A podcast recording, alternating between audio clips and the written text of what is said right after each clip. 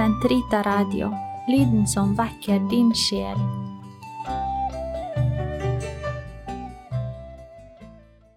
Kroppens teologi, en kommentar til pave Johannes Paul 2.s onsdagskatekeser av Eirik Ambrosius Stenhoff. Totus tuus ego sum, et omnia mea tua sunt, archipio te in mea omnia, prebe mi cor tum Maria. Annen del av onsdagskatekesene Ekteskapets sakrament. Ekteskapspakten som ursakrament og analogi. Episode 16 Efeserbrevet kapittel 5 Grunnlaget for ekteskapsteologien. Katekesene 87 93. Del 1 Efeserne 5 vers 21 33, og Jesu ord om ekteskapet. Katekese 87 Vi er nå kommet til den andre hoveddelen av pave Johannes Paul 2.s onsdagskatekeser om kroppens teologi. Denne delen handler om ekteskapets sakrament. Helt i begynnelsen av katekesene i forrige hoveddel, den aller første katekesen, der snakket paven om den forestående synoden om familien.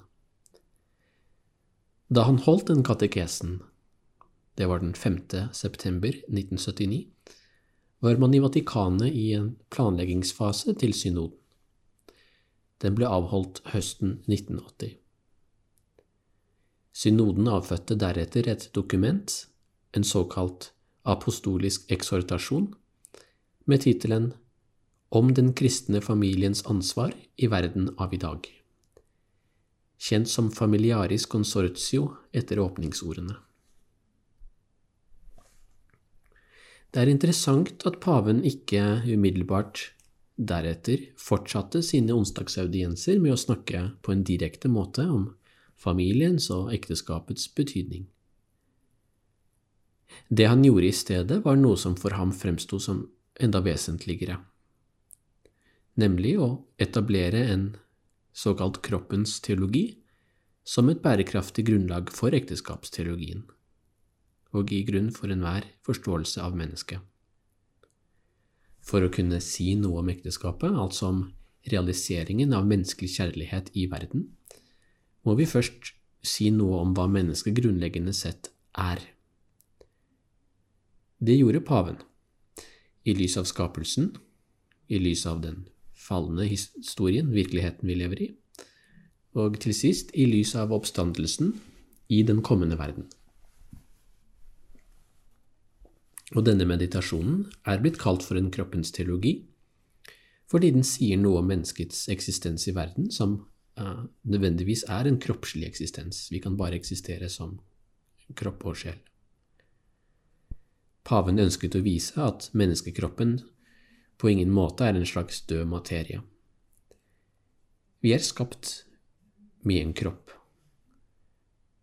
og gjennom kroppen erfarer vi oss selv, hverandre og resten av kosmos på en personlig måte. Denne personlige dimensjonen er noe som skiller vår erfaring fra dyrenes erfaring, eller dyrenes eh, virkelighet, på en slags uoverstigelig måte. Kroppen forteller oss videre noe om skapelsens grammatikk. Skapelsen er dypest sett en gave gitt av Gud i kjærlighet. Av sin godhet skapte Gud hele kosmos ut av intet, ex nihilo.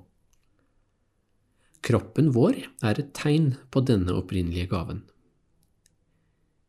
Det blir synliggjort eh, i det som paven kaller for kroppens ekteskapelige betydning som viser at vi er skapt for et fellesskap av personer, for andre mennesker og til syvende og sist for Gud selv. Kroppen kan sies å være et uttrykk for kjærlighetens tredelte mønster, som altså eh, gjenfinnes i den treenige Gud selv. Kroppen uttrykker for det første at vi er Guds barn, altså at vi er mottakere av Guds gave. Paven kaller den første urerfaringen som vi har sett, for opprinnelig ensomhet. Ordet ensomhet beskriver her ikke en psykologisk følelse av å være forlatt, men Adams erfaring av å være alene i møte med de andre dyrene. Samtidig avdekker den opprinnelige ensomheten Adams grunnleggende orientering mot Gud. Kroppen er ikke bare vår egen. Kroppen er et møtested mellom oss og Faderen.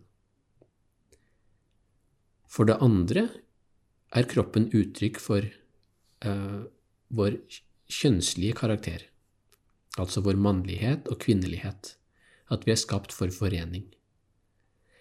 Dette er altså et vesentlig ontologisk grunnlag for ekteskapsteologien. Det betyr også at vår seksualitet ikke er noe vi kan avfeie eller ignorere ut fra en slags misforstått bluferdighet. Den er en integrert del av vår relasjon til Gud, og dermed av teologien. Mennesket er skapt for å gi seg selv, som mann og kvinne, som et bilde på den gaverelasjonen som finnes i den treenige Gud. For det tredje har kroppen en fruktbar betydning. For at gaven skal kunne være autentisk eller oppriktig, det som Gaudium et spes 24 kaller for en sincerum donum, en oppriktig gave, må foreningen mellom mannen og kvinnen være iboende fruktbar. I de neste episodene skal vi reflektere videre over ekteskapets betydning i lys av Efeserbrevet kapittel 5. Her gir Paulus oss en ekteskapsteologi i konsentrert form. Dette er den første delen av andre hoveddel av ekteskapssakramentet. I del to skal vi se nærmere på hva det betyr at kroppen er et tegn, og vi skal kommentere det paven kaller for eh, kroppens eget språk. Vi skal også se på pavens lesning av Høysangen og Tobits bok, to av de fremste tekstene i Det gamle testamentet om ekteskapelig kjærlighet. I den tredje og siste delen ser vi på pavens kommentar til rundskrivet Humane Vite og hva det vil si å leve en såkalt ekteskapelig spiritualitet i lys av sannheten om menneskekroppen og kravet til ansvarlig foreldreskap som er gitt oss av Kirken. Den siste episoden, episode 24, vil gi en oppsummerende konklusjon over pavens katekeser. Her vil jeg også peke på en videre horisont for katekesene i lys av nåtidens utfordringer særlig med tanke på den raske utviklingen av bioteknologi, sett i sammenheng med den kristne familiens nær totale kollaps i vår kultur. Men la oss begynne med pavens refleksjoner over Efeserbrevet. Og vi begynner, som ham, med å sitere hele den aktuelle passasjen hos Paulus. Dette er altså fra eh, Efeserbrevet, kapittel 5, versene 21 til 33. Vær hverandre underordnet i ærefrykt for Kristus. Dere kvinner, underordne dere ektemennene deres som under Herren selv. For mannen er kvinnens hode, slik Kristus er kirkens hode. Han er frelser for sin kropp. Som kirken underordner seg Kristus, skal kvinnene underordne seg sine menn i alt. Dere menn, elsk konene deres slik Kristus elsket kirken og ga seg selv for den, for å gjøre den hellig og rense den med badet i vann, i kraft av et ord. Slik ville han selv føre kirken fremfor seg i herlighet, uten den minste flekk eller rynke. Hellig og uten feil skulle den være. På samme måte skal altså mennene elske sine koner som sin egen kropp. Den som elsker sin kone, elsker seg selv. Ingen har noen gang hatet sin egen kropp. Nei, man gir kroppen næring og pleier den på samme måte som Kristus gjør med kirken. For vi er lemmer på hans kropp. Derfor skal mannen forlate far og mor og holde fast ved sin kvinne, og de to skal være én kropp. Dette er et stort mysterium. Jeg tenker på Kristus og kirken men det gjelder også hver enkelt av dere. Hver mann skal elske sin kone som seg selv, og hun skal ha respekt for sin mann.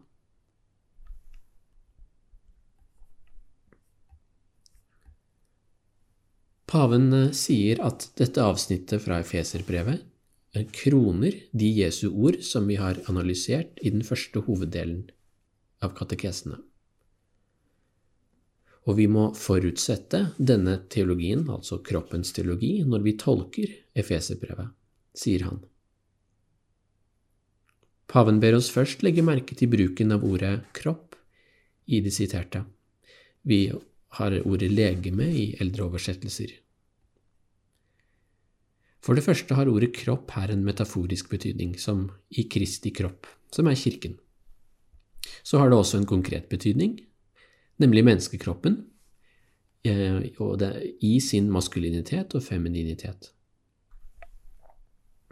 Her siterer jo Paulus også skapelsesberetningen, akkurat som Kristus selv gjorde overfor fariseerne. Mannen skal forlate far og mor og holde fast ved sin kvinne, og de to skal være én kropp. Spørsmålet for oss blir på hvilken måte hører disse to betydningsnivåene sammen? Med andre ord, hva er sammenhengen mellom Kristi kropp, eh, kirken, og menneskets kropp, som Efeserbrevet snakker om? Det er dette vi skal fordype oss i i de neste episodene. Tradisjonen omtaler den eh, sammenligningen her eh, som en analogi altså som en likhet innenfor en større forskjell. Hvordan vi skal forstå analogibegrepet, kan vi komme nærmere tilbake til. Men det er analogien som etablerer muligheten for at vi skal kunne forstå kjærligheten mellom mann og kvinne som en genuin deltakelse i Guds kjærlighet. Paven nevner til slutt et annet aspekt, nemlig sakramentaliteten. Alt i triptyken om kroppens teologi kom vi frem til en forståelse av kroppens sakramentale betydning.